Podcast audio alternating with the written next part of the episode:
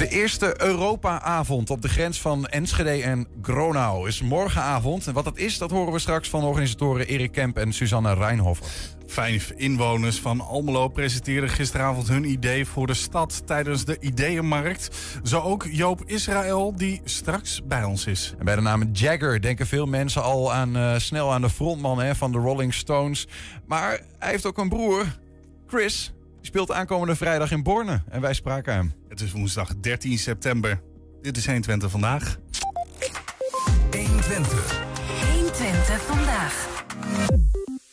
Europese Commissievoorzitter Ursula von der Leyen gaf vandaag haar State of the Union toespraak over hoe het gaat en waar het naartoe moet met de Europese Unie. Maar wat moeten wij daarmee? Wat zien we terug van die grote EU op lokaal niveau in Enschede en in Gronau? Raadsleden Erik Kemp uit Enschede en Suzanne Rijnhofer uit Gronau nodigen medebewoners uit hun plaatsen uit om samen na te denken over die vraag.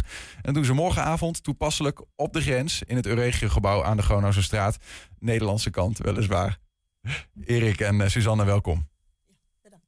Je hebt een beetje gewonnen dan, Erik. Uh, het is toch aan onze kant van de grens. Oh, ze voelt het niet hoor, want Suzanne heeft de ruimte geregeld. Dus, uh, oh, het is gewoon een hoffelijkheid, is dit. Administratie. Heel goed, ja, ja. Nee, gekkigheid. Um, jullie, jullie willen eigenlijk met, met zo'n avond um, duidelijk maken dat Europa, de Europese Unie, geen ver van je bedshow is, Suzanne. Um, de, ja, de uitbreiding van het netwerk, uh, onze netwerk en het um, thema van de EU mm -hmm. uh, is um, heel belangrijk voor elke uh, mensen in, in onze regio. Mm -hmm. En dat is, dat was de idee waarom ik begonnen heb in het netwerk Building Europe with Local mm -hmm. Councillors of en um, de uitbreiding van het netwerk is uh, de begin van de weg um, om de burgers van de EU dichter bij, um, de, uh, bij Europa te brengen. Ja. Via onze lokale besturen en de vertegenwoordigers. Ja. Ja, nee, je, je, praat over, over een netwerk. is misschien goed om dat even ook ja. uit te leggen. Want dat is, uh, Enschede en Gronau zijn daar sinds kort in toegetreden. Een soort Europees uh, netwerk waarin raadsleden van gemeenten zitten om eigenlijk over dit thema na te denken. Hè? Van hoe, hoe halen we nou Europa dichter bij de lokale uh, mensen? Erik, wat, ja, is, dat, is dat wat het is? Want het is, het, is het een nieuw netwerk? Hoe moet ik dat zien? Ja, het is redelijk nieuw. Het is vorig jaar begonnen, volgens mij in juni. Het was een initiatief van een, volgens mij een Spaanse Euro, Euro parlementariër. Mm -hmm. Die had zoiets van, ja, wat wij allemaal doen in Brussel en in Straatsburg, dat is toch nog te ver weg van de regio's eigenlijk in Europa. Dus ze dachten van, dan moeten we een netwerk maken, nou niet van steden, zoals die er bijvoorbeeld al zijn, werken, maar juist, maar juist een net, maar juist een netwerk, maar juist een netwerk van, juist een netwerk van lokale raadsleden. Omdat, ja, over het algemeen zijn lokale raadsleden toch iets minder betrokken bij Europa, terwijl, ja, dat zou wel beter kunnen. En nou, Suzanne was al lid van dat netwerk. Ik werd uh, uitgenodigd voor de opening in het uh, stadhuis in Gronau. Ja. En ik ben zelf inderdaad uh, ook net vanuit Enschede dan lid van het netwerk. Dus dit voelde als een hele natuurlijke samenwerking. We hebben elkaar ook leren kennen bij die ondertekening die een tijdje geleden was tussen Gronau en Enschede. Een soort van, wat was dat? Een memorandum of understanding. Ja, of ja. ja, dus ook een soort van samenwerking. Toen hebben we elkaar leren kennen en sindsdien contact gehouden. En nou, toen kwamen we allebei erachter dat we in dit netwerk zitten vanuit dus onze stad dachten we, dan gaan we samen wat, uh, ja. wat organiseren. En we moeten me dan zo voorstellen, Suzanne, dat, dat um, het idee. Want je gaan, jullie gaan nu als vertegenwoordigers van jullie gemeente eigenlijk nou, in gesprek met uh, mensen die uh, in Enschede of Gronau wonen. Dat je van hen dingen wil horen die jullie dan weer teruggeven aan de Europese Unie of wat dan ook. Hoe, moet ik dat, hoe, hoe werkt dat dan praktisch? Precies. We, we, morgen sammeln wir die Ideen van onze burgers en geven die verder aan Brussel is um, om um, die Burgers, die Ideen van de Burgers um, verder te brengen. Ja. Nou, om, ja. Is dat, want in, in Enschede of in Nederland klopt het denk ik wel dat de gedachte dat Europa een, een ver van je bedshow is. Hè? Dus het, iets wat, ja, wat moeten we ermee? Dat leeft wel een beetje, denk ik. Van ja, dat, dat is er. En dat is een gegeven of zo. Is dat in Duitsland ook zo? Een beetje het gevoel van mensen in, in Gronau bijvoorbeeld van ja, Europa, Europese Unie. zeker. De, de ähm, meisten Menschen denken. Mag je heel iets dichter op de microfoon Ja. praten? Sorry. De meisten Menschen denken, äh, die EU, Brussels, äh, Straßburg ist ver weg. Maar dat is niet zo. Mhm. Äh, Europa is, begint in de gemeente. Weil wir haben viele Wetgevingen, Gesetze, äh, die äh, belangrijk zijn voor de mensen äh, in, in de gemeente. Ja, nou ja, want dat vind ik wel interessant. Eh, dat, dat las ik ook hè, van, die uitspraken hè, van het netwerk. Geef vorm aan Europa in de lokale politiek. Maar ook in wat je zegt, Suzanne. Europa begint lokaal bij de gemeente. Ik denk dat veel mensen, Erik, het- denken dat het andersom is. Namelijk, Europa dicteert, of in ieder geval Europa schept kaders. Eh, de Europese Unie en de binnen, binnen, binnen dat netwerk wordt zeg maar in Nederland eh, wetgeving eh, gemaakt. Maar binnen de kaders van het Europese. En niet andersom, namelijk dat het, de Europese wetgeving feitelijk in die gemeente begint. Ja, het is denk ik een beetje van allebei. En wat wij natuurlijk ook doen is, ik bedoel, morgen zal meer in het teken staan van, oké, wat zegt Ursula von der Leyen, de president van de Europese Commissie, en in hoeverre is dat ook relevant voor ons? Dus dat is ook luisteren naar haar speech en dan samen analyseren van, wat Ja. vinden we daar eigenlijk van? Ja. Maar andersom kunnen ze natuurlijk in Europa, als we dan even zeggen dat het Brussel is bijvoorbeeld, eh, de mensen die daar aan het werk zijn, die kunnen alleen regels maken als ze weten wat er hier lokaal speelt. En ik denk wel dat het zo is dat er sommige wetten moeten we op, eh, nou, op Europees niveau maken. Sommige afspraken moeten we gewoon op Europees niveau maken. Mm. En sommige afspraken die moeten we juist op lokaal niveau. Hè? Want Europa staat ook voor nou, unity in diversity, eenheid bij diversiteit. Da- dat zegt ook, Ja. we willen niet dat elke plek in Europa hetzelfde is. Er mag best cultureel verschil blijven. Alleen laten we dan wel proberen elkaars cultuur te begrijpen en in ieder geval elkaar, eh, elkaar te zien en te leren kennen. Dus dat Ja. is ook een doel morgen. En dat is, eh, dat is dus ook twee richting. Namelijk dat, dat eh, bij wijze van Ursula von der Leyen, die aan de top staat van, de- van de Europese Unie als commissievoorzitter, dat zij begrijpt wat er bijvoorbeeld in Enschede gebeurt, even heel extreem gezegd. Maar andersom dat mensen in Enschede ook begrijpen van hoe werkt dat eigenlijk? Waarom is die Europese Unie er? Wat doen ze dan? En de, dat, dat is eigenlijk tweeledig. Ja. Wat- even naar morgenavond eh, springend. Ehm, eh, centrale vraag is eigenlijk, hè, die, jullie daar stellen, wat betekent de Europese Unie voor lokaal beleid hè, in Enschede, Gronau? Die avond gaan jullie terugkijken naar die State of the Union toespraak van Ursula von der Leyen en daarop reflecteren met elkaar. Wat heeft ze nou gezegd en wat betekent dat? Misschien goed om dat uit te leggen. Suzanne, wat, wat is dat eigenlijk voor een toespraak? Vanochtend volgens mij ongeveer gehouden hè, door haar. Eh, wat, is dat, wat is die State of the Union? Wat doet ze dan eigenlijk? Ähm, Ursula von der Leyen hat vandaag ähm, mit dieser Speech ähm, die Ideen von der Europäischen Union, die, ähm, de Status en auch de volgenden paar Maanden, de werk van de volgende paar Maanden ähm, reflectiert of ähm, ja, Ja. getekend.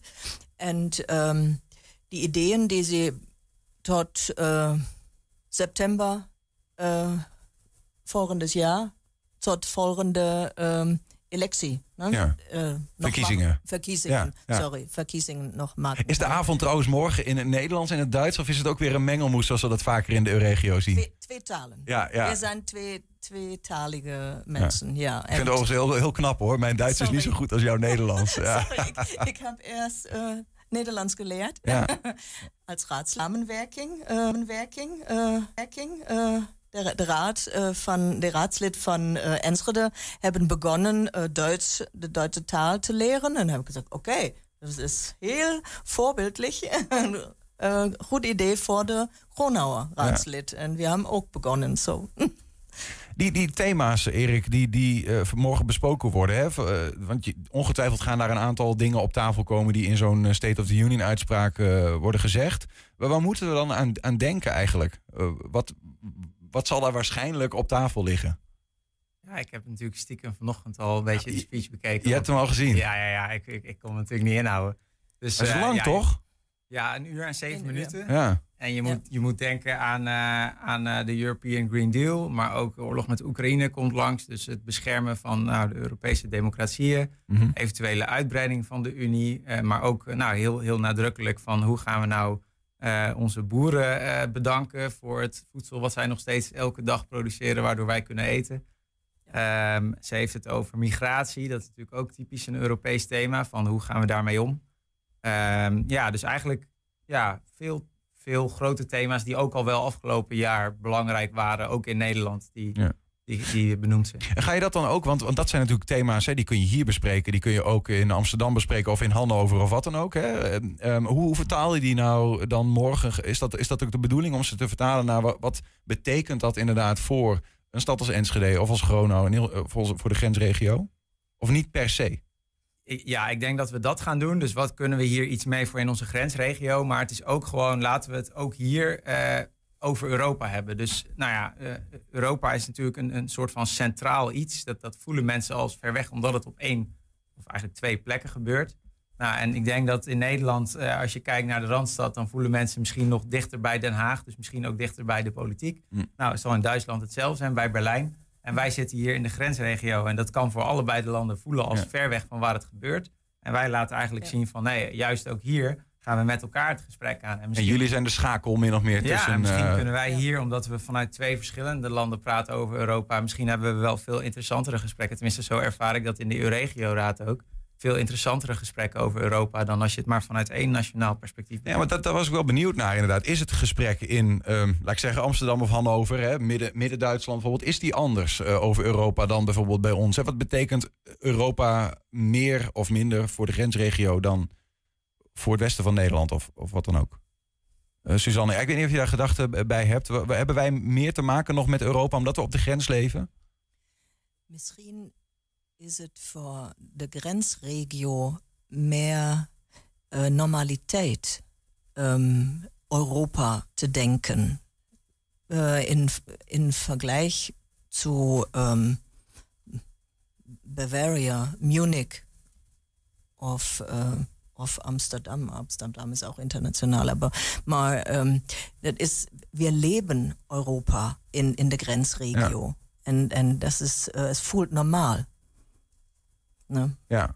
zie je dat dan ook, ook terug, eerlijk gezegd? Ik weet dat niet. Kijk, toen we het erover hadden op de redactie, toen werd er gezegd: ja, nou ja, de, de, dan verwacht je toch gauw. Hè, een beetje, dat zijn vaak een beetje dezelfde personen, bijvoorbeeld in Enschede, die, zich, die lijken zich dan te bekommeren om dit soort dingen. En die wijs van usual suspects, die dan weer op zo'n bijeenkomst zijn. Ja, ik weet niet of dat zo is, hè, Erik, maar dat, dat is een beetje wat ik dan, wat ik dan voel. Uh, het is niet erg overigens, want het zijn mensen die betrokken zijn. Um, is, dat, is dat in Duitsland ook zo? Dat, dat, dat het dezelfde mensen zijn die, die, die zich erom bekommeren? Nee. Nee, in Duitsland niet. Ik, ik heb soms, uh, ik ben niet in Regio-raad of uh, in andere nee.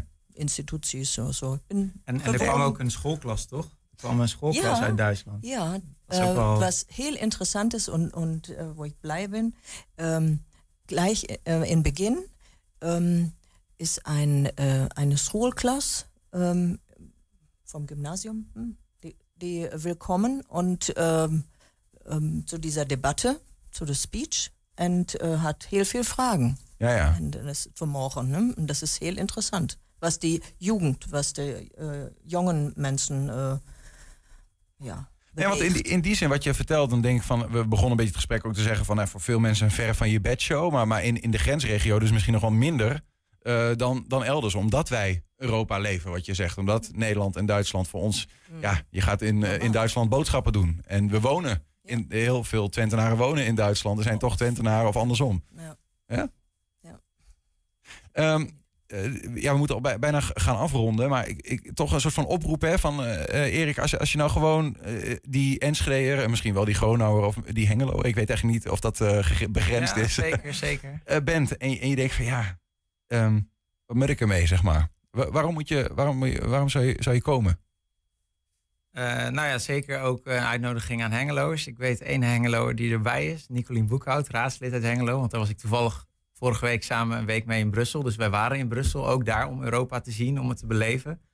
En ik denk eigenlijk, ja, eh, voor, voor iedereen die überhaupt geïnteresseerd is in, in Europa, eh, presenteren wij nu een plek om, om het er samen over te hebben. En ik bedoel, dit is de eerste keer dat wij samen zoiets organiseren. Maar dit gaan we wel vaker doen. En ik denk dat, ja, jij had het net over de usual suspects, maar ik ben nog niet zo heel veel gesprekken over Europa en de Europese Commissie en, en eventuele uitbreiding ben ik nog niet tegengekomen in mijn anderhalf jaar als raadslid. Dus ik heb helemaal niet het idee dat dat gesprek hier vaak uh, plaatsvindt. Dus uh, ja, ik hoop dat mensen die juist wel zin hebben in zo'n gesprek, dat die hier ja, juist bij zijn. Ja, ja. ja het, het, moet nog maar blijken wie dan uiteindelijk daar zich hard voor, voor maken ja. of daar geïnteresseerd in zijn. Um, je kunt op de eerste rij zitten morgenavond. Is het gewoon formaliteiten benoemen, 14 september dus, van 7 tot 9, inloop vanaf half 7 in het gebouw van de Euregio aan de Gronauwse straat. Zoek dat even op, Nederlandse kant. Maar goed, je komt er vast wel uit. En je moet je aanmelden, geloof ik, hè? Dat is, uh, of... Ja, je kan een mailtje sturen naar m.koopman.enschede.nl. Maar dat staat ook inderdaad op de... Als je naar enschede.nl slash nieuws gaat, staat er volgens mij... Nou ja, jullie schrijven er trouwens ook over. Ja, ja, het is nu volgens mij ook in beeld. ah, kijk. We laten het mailadres even zien. Dus dan, dan weet je dat ook. Ja. Um, Erik Kemp en uh, Suzanne Rijnhofer, je wel voor jullie, voor jullie komst. En heel veel uh, plezier morgenavond. Tot morgenavond, uh, begrijp ik. Ja. Bij de naam Jagger denken veel mensen al aan de frontman van de Rolling Stones. Maar hij heeft ook een broer, Chris. Die speelt aankomende vrijdag in Borne en wij spraken hem zojuist. En heb je een tip voor de redactie? Laat het even weten. Redactie apenstaartje 120.nl 120. 120 vandaag. Een goed idee voor jouw stad pitchen in de hoop dat die eh, uitgevoerd wordt. In Almelo kan je twee keer per jaar de gok wagen op die ideeënmarkt van de gemeente. Gisteren presenteerden vijf inwoners hun idee. Wat er van terecht komt, dat is nog een raadsel. We hebben een ideeënmarkt waar inwoners uit Almelo ideeën mogen presenteren die zij belangrijk vinden voor de stad. Dan kunnen wij afwegen als raad van ja, gaan we hier iets mee doen? Gaan we uh, ja, het initiatief meenemen? Soms doen we dat als één partij, maar soms kunnen we ook een motie gaan indienen met elkaar die, die, uh, die dat idee ondersteunt fietseffectrapportage voorgesteld. Kunstroute aan gaan leggen. Een uitkering op 1 cent. Een academy opstarten. Met Almeloze bedrijven uh, ja, Almelo weer aantrekkelijk te maken voor studenten. Ja, je hoopt altijd natuurlijk op meer aanmeldingen. Aanvankelijk waren het er voor vanavond zes, is er eentje afgevallen. Dat had meer om logistieke achtergrond, uh, dat, dat, uh, dat dat niet lukte. maar het gaat uiteindelijk gewoon om de kracht ook van de plannen en de ideeën en de argumenten. Heeft u een favoriet? Nee, burgemeesters hebben geen favorieten. En dat hoort ook niet. Die moeten ze echt zien te overtuigen bij die raadsleden uh, daar. Het idee wordt eigenlijk heel goed ontvangen. Ik merk echt dat we een paar fans hebben van het Rondje Noord. Wat is er eigenlijk tot nu toe van al die ideeën terechtgekomen die voorgaande jaren? Sommige van die uh, ideeën die zijn één op één overgenomen. En er zijn er soms hele ogenschijnlijk kleine dingen als het plaatsen van een aantal banken. Je ziet soms ook dat ideeën misschien meteen, niet meteen heel veel draagvlak hebben. Maar in hun idee of in hun strekking toch op een ander moment toch wel weer aan bod, aan bod komen misschien onder een andere naam of net iets anders uitgevoerd. Uh, de ideeën van de Fietsersbond komen over het, over het algemeen ook altijd goed binnen. U heeft al eerder een plan ingediend bij de Ideeënmarkt. We hebben al elk jaar een plan ingediend. Hoeveel is daarvan terechtgekomen? Discussie genoeg in de gemeenteraad. Er is een, is een motie geweest van uh, GroenLinks, maar die heeft het niet gehaald toen. Fietsverkeersspreekuur vorig jaar in april. Daar is nog niets mee gebeurd. Dus ja, we hebben weinig effecten gehad tot op heden. Ik ben er een beetje van overtuigd ook wel dat het idee over dat rondje Almelo-Noord... Uh, dat dat in goede aarde gaat vallen. Ook omdat we in een vorige uh, ideeënmarkt ook al eens gesproken hebben over met mensen uit het gebied zelf. Hoe we nou met name het, uh, het, het, gebied in de Grote Straat Noord, wat toch door leegstand af en toe wat somber geworden is, toch weer een revival kunnen geven. Uh, kunst uit het kunstdepot dat Almelo al heeft daar terug te brengen. Zodat Almelo zijn eigen kunstroute krijgt... die dan toevallig in het rondje Noord plaatsvindt. Ja, greep uit die ideeën dus uit Almelo uh, gisteravond. We praten nog even verder met een van die inbrengers. Zagen hem al even Joop Israël. Goedemiddag. Hallo, goedemiddag. Joop, we hoorden je zeggen niet de eerste keer dat je op de ideeënmarkt stond. Nee, het is de 54 keer al dat wij daar staan en onze ideeën uitdragen.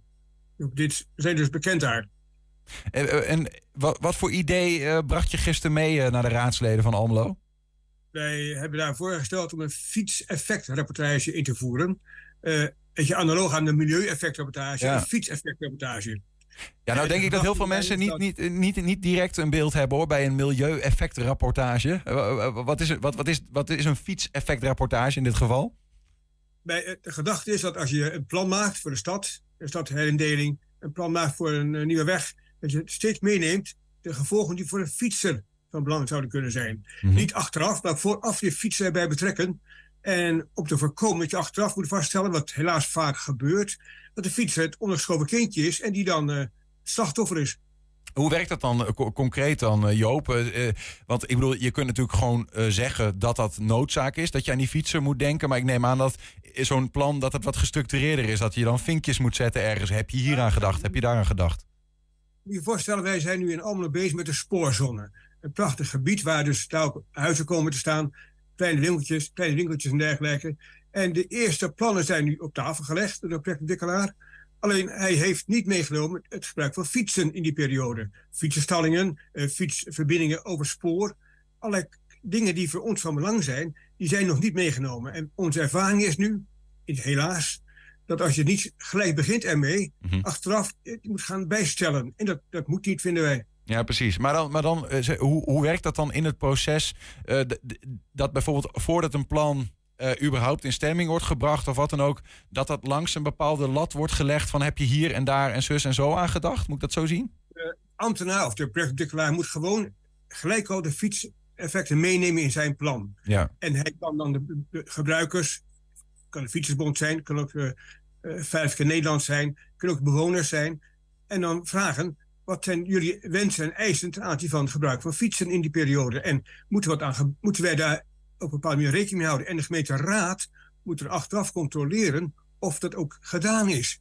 Nou, uh, breng jij die ideeën in vanuit de Fietsersbond Almelo. Hè? Dus ja, die maakt zich hard voor de fietsers natuurlijk. Um, uh, de vraag is uiteindelijk, hè, denken die, die raadsleden er ook zo over? Hoe hebben ze gereageerd op het idee? Nou, tot onze vreugde positief. Uh, ook zij erkennen gewoon dat wil je stad leefbaar houden en leefbaar maken, dat een fiets van belang is voor uh, de toegankelijkheid van het centrum ook. En dus zij zijn op het algemeen vrij positief. Alleen zij hebben de gedachte, die u ook al noemde, ja, dat gebeurt toch al? Nee, helaas, het gebeurt nog niet. Maar ook zij dachten heel vaak nog dat het altijd al zou gebeuren. Dat natuurlijk die fietsen bij betrokken zou gaan worden. Maar dat is niet gebeurd in het verleden. Ja, eerlijk gezegd was dat ook uh, mijn gedachte hoor. Toen, ja, ja ik, ik uh, ik zeg je, maar ik, ik, ik, kan ook best u zeggen. Ik, ik hoor u net tegen mij u zeggen, ik voel me nog zo jong, maar uh, zeg maar wat u prettig vindt. Nou, je moet je net voorstellen dat je inderdaad...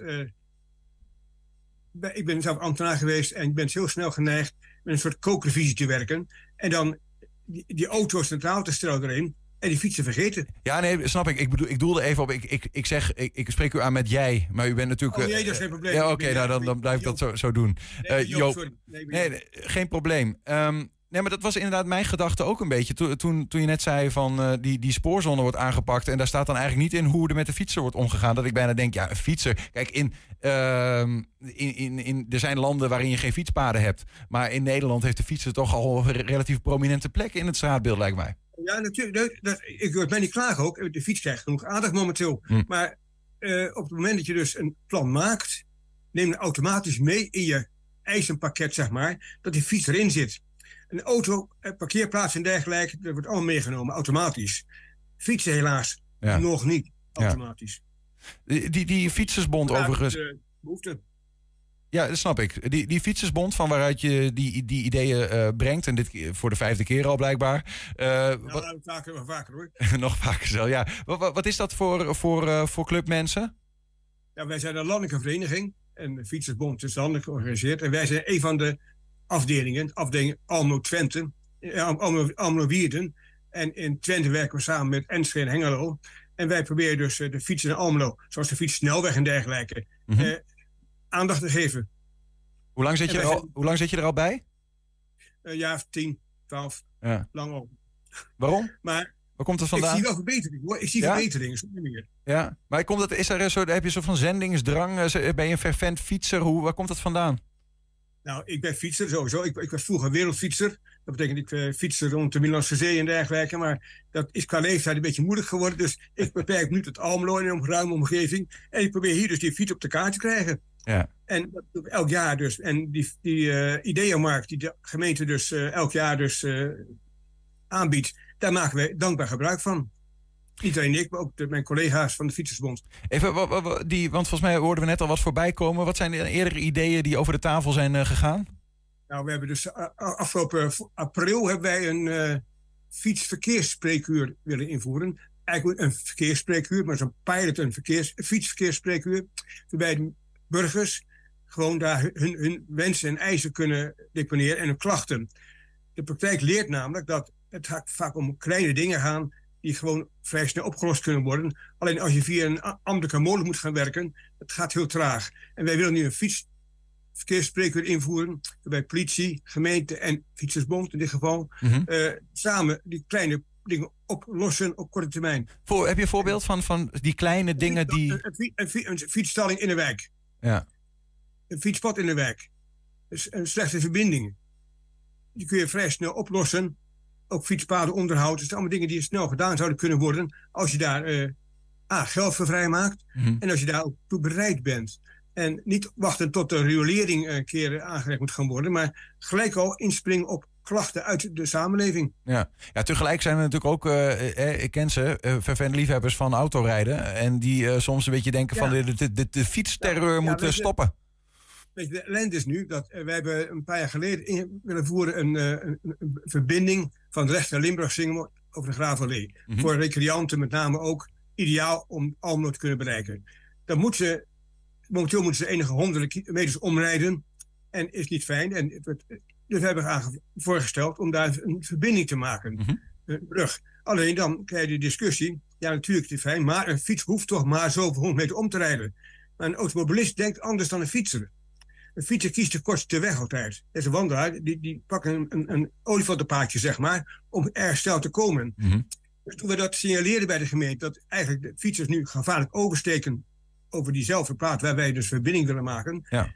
Zei ja, maar dat moeten we gaan oplossen. Dus plaatsen ze een hek in plaats van een, een verbinding, wordt een hek geplaatst. En fietsers moeten nu 100 meters omrijden. Ja, ja, En ja, dat is natuurlijk een, een oplossing die de gemeente gevonden heeft, die wij niet Ja. fietsvriendelijk vinden. Iets goedkoper, denk ik, hè? Eh, dan een fietsbrug. Maar goed. Maar het, het, Ja. gaat- het denkt het van een automobilist uit, dat Ja. hij denkt, ja, het is, het is maar een halve kilometer, waar praat je over? Maar goed, die fietsbrug, eh, eh, het fietsspreekuur waar, eh, waar je net over, oh, oh, iets over zei. eh, een ander idee, de gehele bebouwde kom, eh, 30 kilometer maken. Het, zijn allemaal ideeën die zijn ingebracht in de afgelopen tijd eh, in, in zo'n ideeënmarkt. Maar waar niks mee is gebeurd volgens jullie. Nou, in feite wel. Die 30 kilometer met name dan is door de, een van de fracties, eh, eh, GroenLinks, heeft die ook als motie ingediend.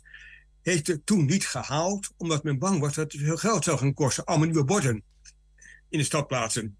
En eh, we hebben GroenLinks nu weer gevraagd. En die gaat met hetzelfde idee toch de komende periode, als het kan voor de begrotingsvergaderingen, toch weer inbrengen. Dus Ja. het werkt wel. Ja, precies. Er moet een beetje aangeschaafd worden hier en daar. Ehm, eh, eh, tot slot dan, wat is je, wat is je gedachte bij de, de FER, hè, de fietseffectrapportage, waar je dus gisteren je hart voor hebt gemaakt? Wat, wat, wat, Nou, hoe- ik, ik denk dat eh eerst maar het, college wakker geschud gaat worden nu.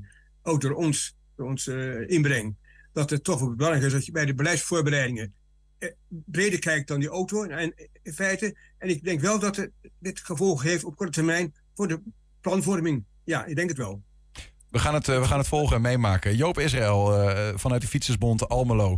Dus het is hard maakt voor een fietseffectrapportage daar eh, tijdens die ideeënmarkt gisteren. Dankjewel Joop en succes met de strijd. Ja, bedankt voor je aandacht. Bedankt. Ja, en ook zijn we op alle podcastplatformen te beluisteren. Dat kan via eh 120 Vandaag. Kun je hele uitzendingen vinden. En iedere dag vind je ook één item uitgelicht op 120 Vandaag uitgelicht. 120. 120 vandaag. Bijzonder bezoek in Borne komende vrijdag. Van wie? Eerder vandaag spraken we met die man. Chris Jagger. Hij heeft een achternaam waarbij iedereen één bepaald gezicht ziet en muziek hoort. Maar Chris heeft bovenal zijn eigen bijzondere carrière. Komende vrijdag treedt hij op in het Cultuurhuis in Borne. Hij speelt daar met de, de band Kentucky Snake Oil uit Friesland. Maar zingt ook zijn eigen liedjes en vertelt anekdotes uit zijn eh, veelzijdige leven. Over zijn broer praat hij liever niet. Dus we gaan zien hoe we daar zoveel mogelijk omheen kunnen fietsen. Chris Jagger, good afternoon. Guten Tag. Guten Tag. Uh, that- that's, that's German. Uh, guten Tag. no, not guten Tag. Guten. Goedendag. Goedendag. Yeah. Guten. Guten Tag. Yeah, we're so happy uh, happy to have you. You will be playing in uh, uh, in Borne this Friday. I- I'd like to say of all places, but then I read that you're coming. Uh, you're living in a in a farm in Glastonbury, which is actually three times uh, uh, fewer civilians than Borne. Well, actually, I'm right now. I'm in Pingium. On this very moment, Yeah. Do you know where Pingium is? it sounds like a town for penguins. Yes, that's right. then it's should say that. Dan is, dan is Friesland. yeah, it has to be Friesland. It's Friesland. Friesland Boppen. Yeah. So- Friesland is very beautiful. It is uh, actually. I, I, think I think that too. But uh, we are in Twente. You are you playing in Born. Have you been in this region too, like in the east of Holland? Um, a little bit. Um, yes, I have been. I've been everywhere, man. See. Everywhere. So, especially, especially all the little places. The, the little place you like you like the little the little places just where where nearly nobody lives. Yeah, lots of cows. Yeah, what? Why is that? They're the only ones that seem to like me. I think the the cows and the farmers. so they, they so, uh, because they can talk. no, and we, it's just no it's because you know I've I've been no I've been um, I've played in the bigger places. I've I've played in the in in the Amsterdam and Rotterdam and Schiedam and you know Rotterdam and Rotterdam and Leeuwarden, the big cities. Yeah, the big cities. Groningen. I was in Groningen the last gig. I see, and and you will add uh, Borne to that. But actually, yes. your your your your memory is still pretty fine, just so by heart. Because I've I've read that um, you you've written this uh, memoirs, eh, your your book, uh, which you yeah. will be reading uh, uh, reading out from this Friday. But but then when you read the book, you, you you've used uh, um, like notes uh, and and columns from your life, and when you when you read them, you were surprised by your own memories because it was so much.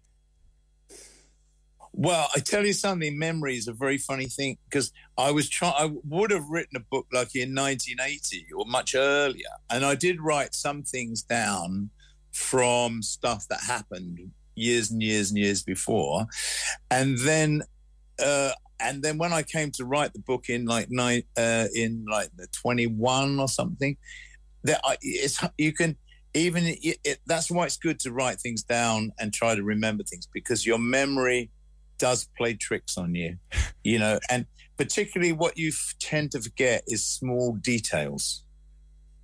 you can remember big events, yeah, but it's the small details. And kind of when you're writing, sometimes it's the small details that bring something alive. Because if you just describe something, you know, you met, you know, you met Prince, you know, but if you said you met Prince and he was chewing bubble gum and had smoke coming out of his ears and three women hanging on his every arm. That's the details you want to hear, actually, yeah. I see. Particularly about the three women hanging on every arm. What is, what is the detail that struck you the most when you when you read through all your own actually notes and, and memoirs? You know, I, yeah, and trouble was I didn't have a lot of memoirs. I never really written a diary, and I did have notebooks when I was like in India years in the, in the sixties, but I I lost them. So that's the other thing. It's all very well having stuff written down, but then you lose it or it gets wet in a flood or something like that. So, how many gaps but, you have filled just by fantasy then? well, yeah. No, I mean, it's, it's, surprising what you can. And I tell you what's quite good about it. I mean, you're just a young chap. You know, you're a young man. Thank you. But um, when you get older, you, you sometimes, I mean, I called up some people that I knew and had not spoken to for a long, long time. Mm. And just hearing their voice brought back all these memories yeah. without even without even them saying, Do you remember XYZ? Just talking to them suddenly.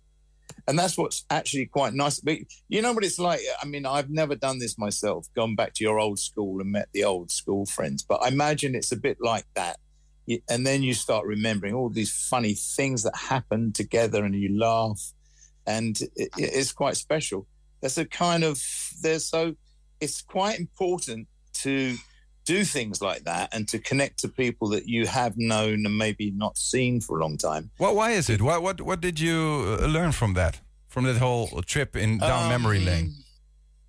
well you know look i'm 75 so obviously, you, you know, friends die, they move away, you lose touch. So in in the longer picture, in the bigger picture, that that you know, you can only really have those memories if you share them. You know, that's what makes that's what makes it good. Yeah. Is, is sharing them.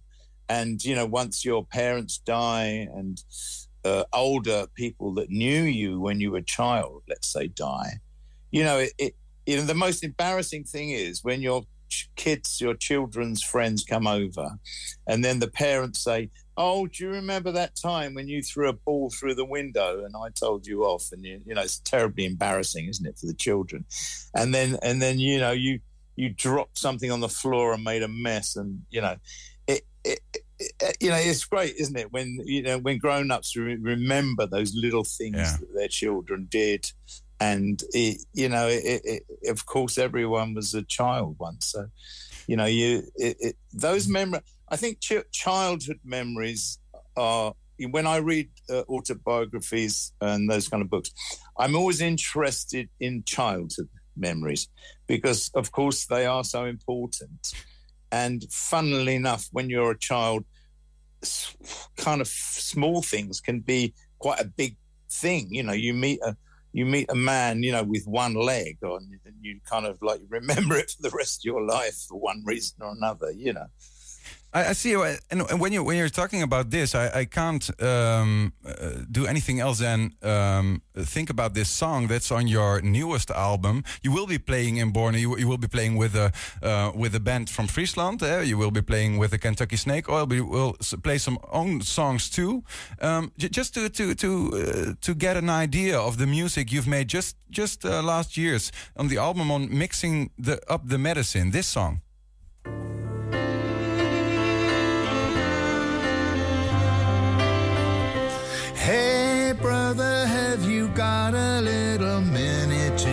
Spare?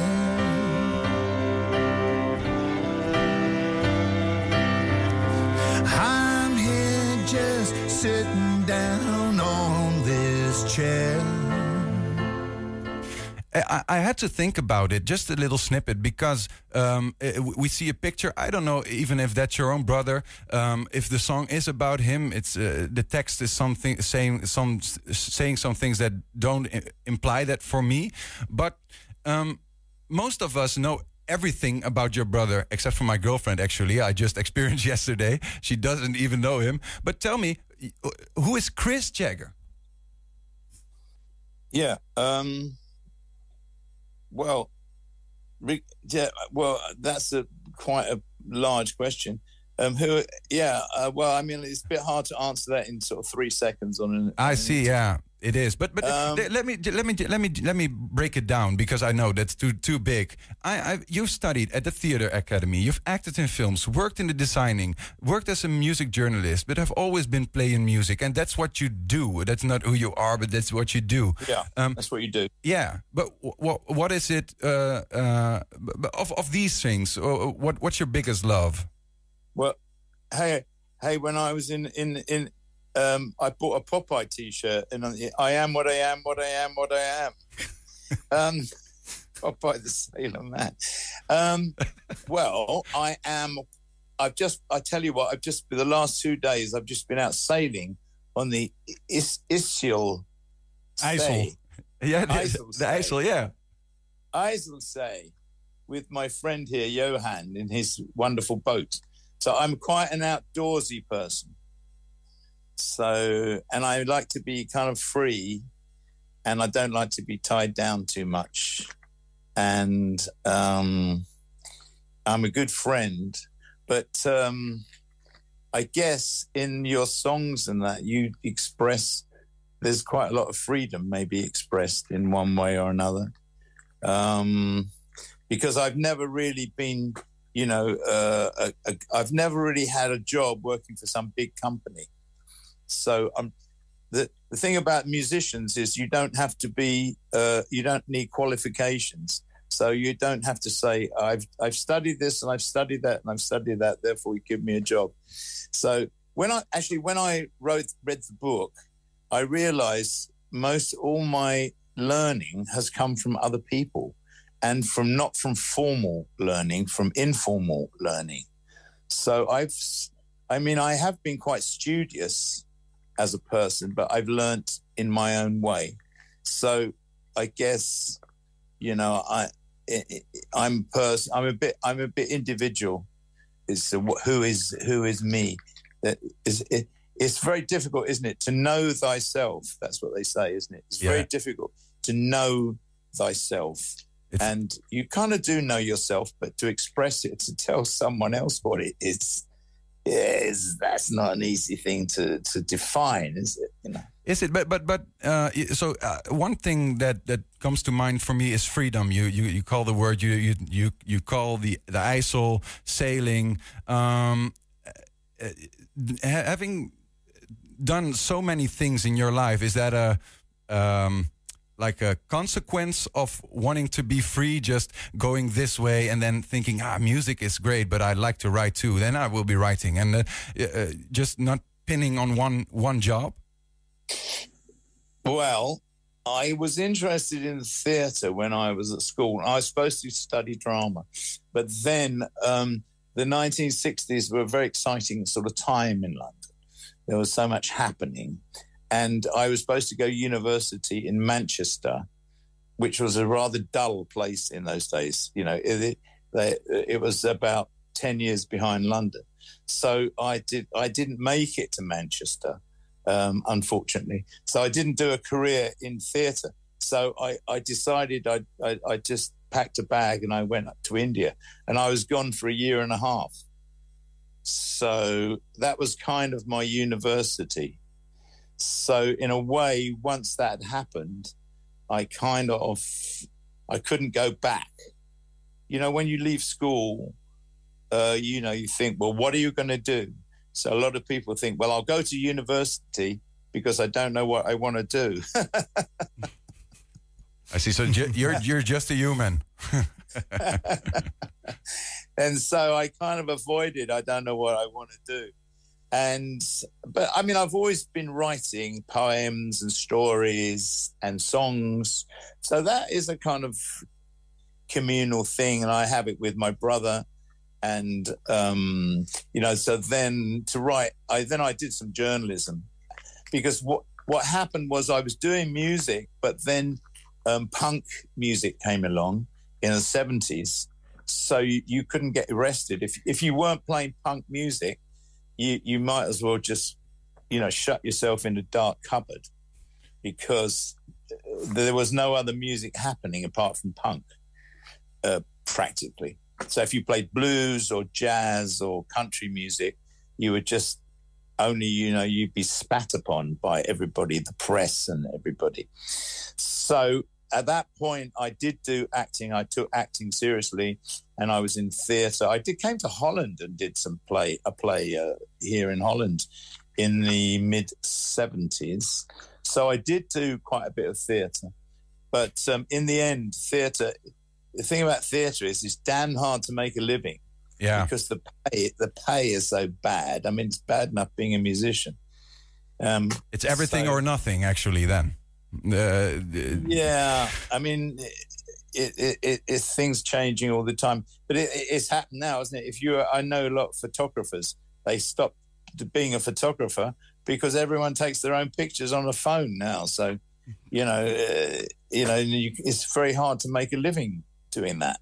So times change, but um, I kind of keep coming back to music because I, I don't know. They some some say that music chooses you, and um, so it. I've you know got a kind of musical uh, something running in your blood that you know that you you know. My wife says to me, "Why do you have to go away and play these gigs and do this now?"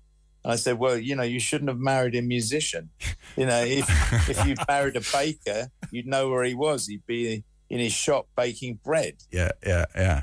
So actually, uh, you're you're it's, uh, like in the seventies, uh, pretty young still, uh, seventy five, I guess, something like that. Ah, still, I can tell you. I can tell you. What, I'm 75. Yeah. But I can tell you, in the 1970s, when punk came along, I think I was about. Uh, let me think. I was about 25. So if you were 25, forget being a punk. If you were going to be a punk, you had to be like 17, 18, 19, maybe 20. And there were a few bands that kind of tried to cross over into punk. They cut their hair, dyed it blonde, you know, like Sting.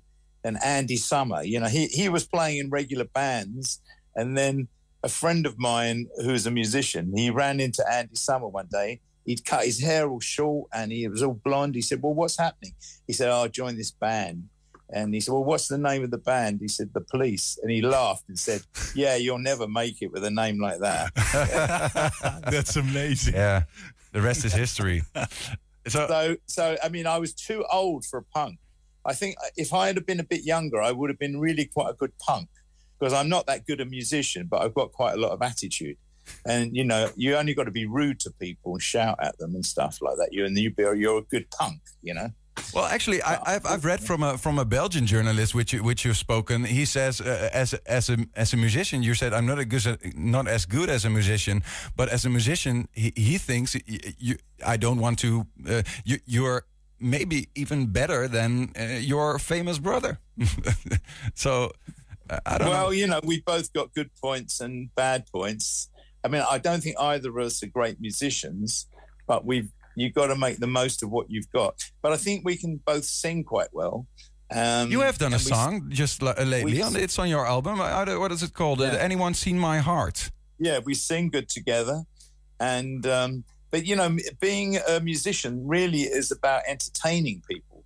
You know, yeah. a lot of musicians make the mistake of thinking it's all about the music. No, it's not. It's about entertaining people, making sure they have a dance and have a good time and tell a joke and come up with some songs and you know so that element and also it's also quite important to you have to sort of try and get the other musicians in the band to do you know what you want them to do. So there's this element of being a conductor but you're you know? both you're both entertainers. I, I, can see that from you, and I, I, I know that from the videos. I know from the Rolling Stones and, and such. Yeah. But then you have uh, five children yourself. Uh, and mm. you have many grandchildren. Is is entertaining in your blood too through the whole family? What's what's family meetings like then? Well, no, I mean, uh, you know, of course, the you know, I got I had one son. I well, I got a few sons, and the one of my son now is a musician, but he's already 40 something. And I said, I tried to get you to do this when you were 16 or 17. But of course, he didn't want to do it then because he wanted to rebel. He, he didn't want to. He wanted to rebel against playing the guitar and yeah. you know doing sort of blues songs or whatever it was. You've pushed too hard. And it took him years to come round to the fact that mm. actually this is what he wanted to do. And so now he's trying to do it and he's already 40 something. I said, for God's sake, you know, why didn't you do this earlier? That is just a mirror for me, actually. I, I, I, I, sometimes I try to play the piano, and I think like, why did I so rebel uh, to it when I was a child? And um, my parents think like, oh, you can play the piano if you want to, but then I wanted to be outside and skateboard or th- do some. And and I think music is just no, I don't want to do that. And now I think I regret it so much. Yeah, well, I didn't. We didn't play any instruments. Neither me or my brother played any instrument. We didn't have any instruments in the house. We didn't even have a music system in the house, and until I remember when it first sort of arrived. So, I mean, I was. My father used to teach sports. He was in sports education. Now, how so old I were you? Mad, keen footballer, and played every sport there was and athletics so I was a very outdoorsy person. Yeah. But I tell you what, I listened to a lot of music because, it, you know, my brother brought a lot of music home, uh, you know, tape recorders and stuff. And, you know, he started listening to a lot of people like Little Richard and Chuck Berry and Elvis Presley and, you know, Howlin' Wolf and Muddy Waters. So, I mean, I, when I was 13, 12 or 13, I was listening to blues guys like Howlin' Wolf which my people I knew at school had no idea this was terribly obscure sort of stuff. So I've carried on listening to a lot of music, and I always say it's really important to listen to good music and to, to absorb it and to take it in, and eventually, it kind of like I think it sort of joins your bloodstream somewhere, see, yeah. and it comes out as a kind of you know, it, it, it, becomes part of you in a, in a funny way. But how old how old were you, Chris, when you played uh, your your first instrument? Then when you touched it really and, and not, began playing? Well, not really till I was twenty one. Twenty one. What in- instrument did you play at first? Uh, well, did you play Didn't- piano or guitar? Played, I never, I, ne- I never played instrument. I, when I was young, I used to sing, and I liked singing quite a lot. But then, what happens when you become a teenager? You become embarrassed. So I stopped singing, um, and then I didn't. My brother gave me. I was I was in India. I went to India, and I was had my twenty first birthday on the beach in Goa in 1969 which seems like a long time ago now. and my brother sent me a Harmony six string guitar. And that's the first nice guitar I ever had. And I started playing that. So it, it probably is his fault. You, you, you, most of the time we're we're we're just uh, talking with your cheek. You know that. we, we we we are we aren't seeing your whole face. oh right. Oh, this is so, Chris, um, uh, just a, a, quick dive into uh, coming Friday. Um, the first part of the evening, you will be uh, reading from your, from your book. It's called "Talking to Myself." Sing of some of your own songs. Um, the book is full of anecdotes uh, from your life. No, no, no, let me put you right. Yeah. So the first, I'm just playing solo. So I don't have a band. I don't have my own musicians and band with me uh, because Dowie, who's organised this, he's organised it in this way. So he's made me sing on my own, which is not something I normally do. So it's obviously something I've. I'm. It's a challenge. It's a challenge to me. And the last gig I really enjoyed. I think I was quite good. Um, but playing on your own is quite. It's not easy, but it's good to do. And so I play a few songs and then I read a little bit from my book, then I play a bit more. And so I do a whole set like that, just me solo. Then his band of hillbilly Frieslanders uh, come on and um, they come on play in the second half. And then I join them. So it's a kind of Anglo Dutch shell kind of, you know, amalgam of um, Friesland and um, Somerset, where I live in the West Country. So that's kind of how the show works. How how does uh, Chris Jagger end up with uh, like a bluegrass country American folk band from Friesland? Yeah, something called the internet. I, I know it. And he he contacted me and said that he wa- he wanted to arrange these dates. Do I want to do them? And um, and I thought, oh, I don't know if I really want to do that. But it was like in a year's time. So I said, okay, I'll do that. And then I forgot all about it. And then the year came around and he said, right, you're coming over. And I said, am I? And so I had to say yes. But it's always nice to be asked, I must say. And when you get, you know, quite old, it's it's even nicer to be asked. And you know, music is, you know, being a musician, and these days it, it's quite hard to make a living. Um, so you have to accept uh, whatever you know what what you you know you can't say I want to come with a twelve piece band with three girl singers and a laser show, you know, and then you say, well, actually, well, no, it won't work like that because there's there's only there's only it only pays hundred euros, so hard luck. So you know you can say, okay, so I'll come with my dog instead. you know. So you're glad So- you're glad playing with a, with a band actually uh, just uh, somewhere in in Holland this time. Well, yeah, it's it, it, they're very good players and nice people, and um, like I say, it, it's nice to be asked, and it's it's better to come than not come. Otherwise, I'm sitting at home. You know, what am I doing? You know, I'm doing all the jobs at home, which makes my wife very happy. Yeah, actually, yeah, yeah. Yeah, she's never so happy as when you're putting up shelves and painting a wall. You know. so um, we we have to to to stop quit the conversation already, which it is up. um, yeah wrap it up. Oh, yeah. But um, yeah, you, you're you're only seventy five actually. You Just um, w- w- is is there something you really still like to do in your life? I like sailing. I want to do some more sailing. I want to come back. You can sail around all the little islands in Friesland. Well, you just come and live here in the Netherlands? We have Well, I wouldn't mind, but we've got this horrible thing called Brexit. ah, yeah, yeah, yeah, yeah. Yeah, but we don't have a Jagger here, so you can be be the, the one for us.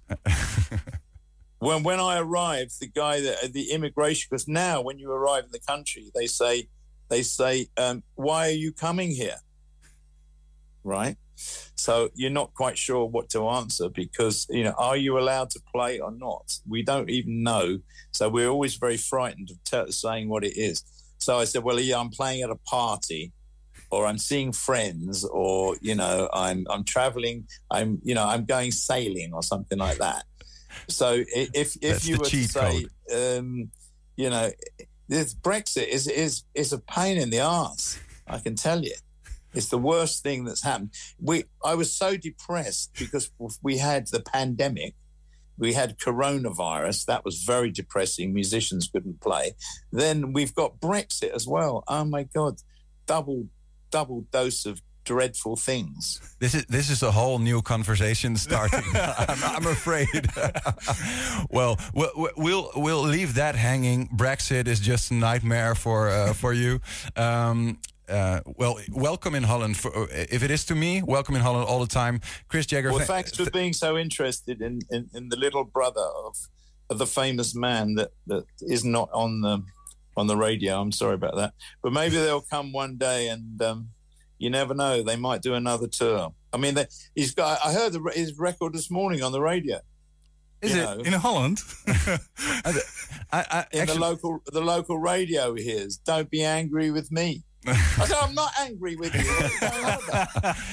you, you, you're still you're still good with another, uh, and uh, uh, even even in this age, having having uh, yeah experienced so many things. Thank you, uh, Chris, for for letting uh, us dive into your head a little bit into your life. Uh, if people want to hear more from from you, from your experiences, and from your music, and uh, they they can come to Borne uh, this Friday evening. I will tell people where to find tickets. Eh, dat is eh, uh, cultuurhuusborne.nl. En let even op, dat is dan eh, met cultuurhus. Hè? Dus je schrijft dan niet met een dubbele U. Cultuurhus. Cultuurhusborne, yes. Een kaartje kost 23 euro en dat kan via die website.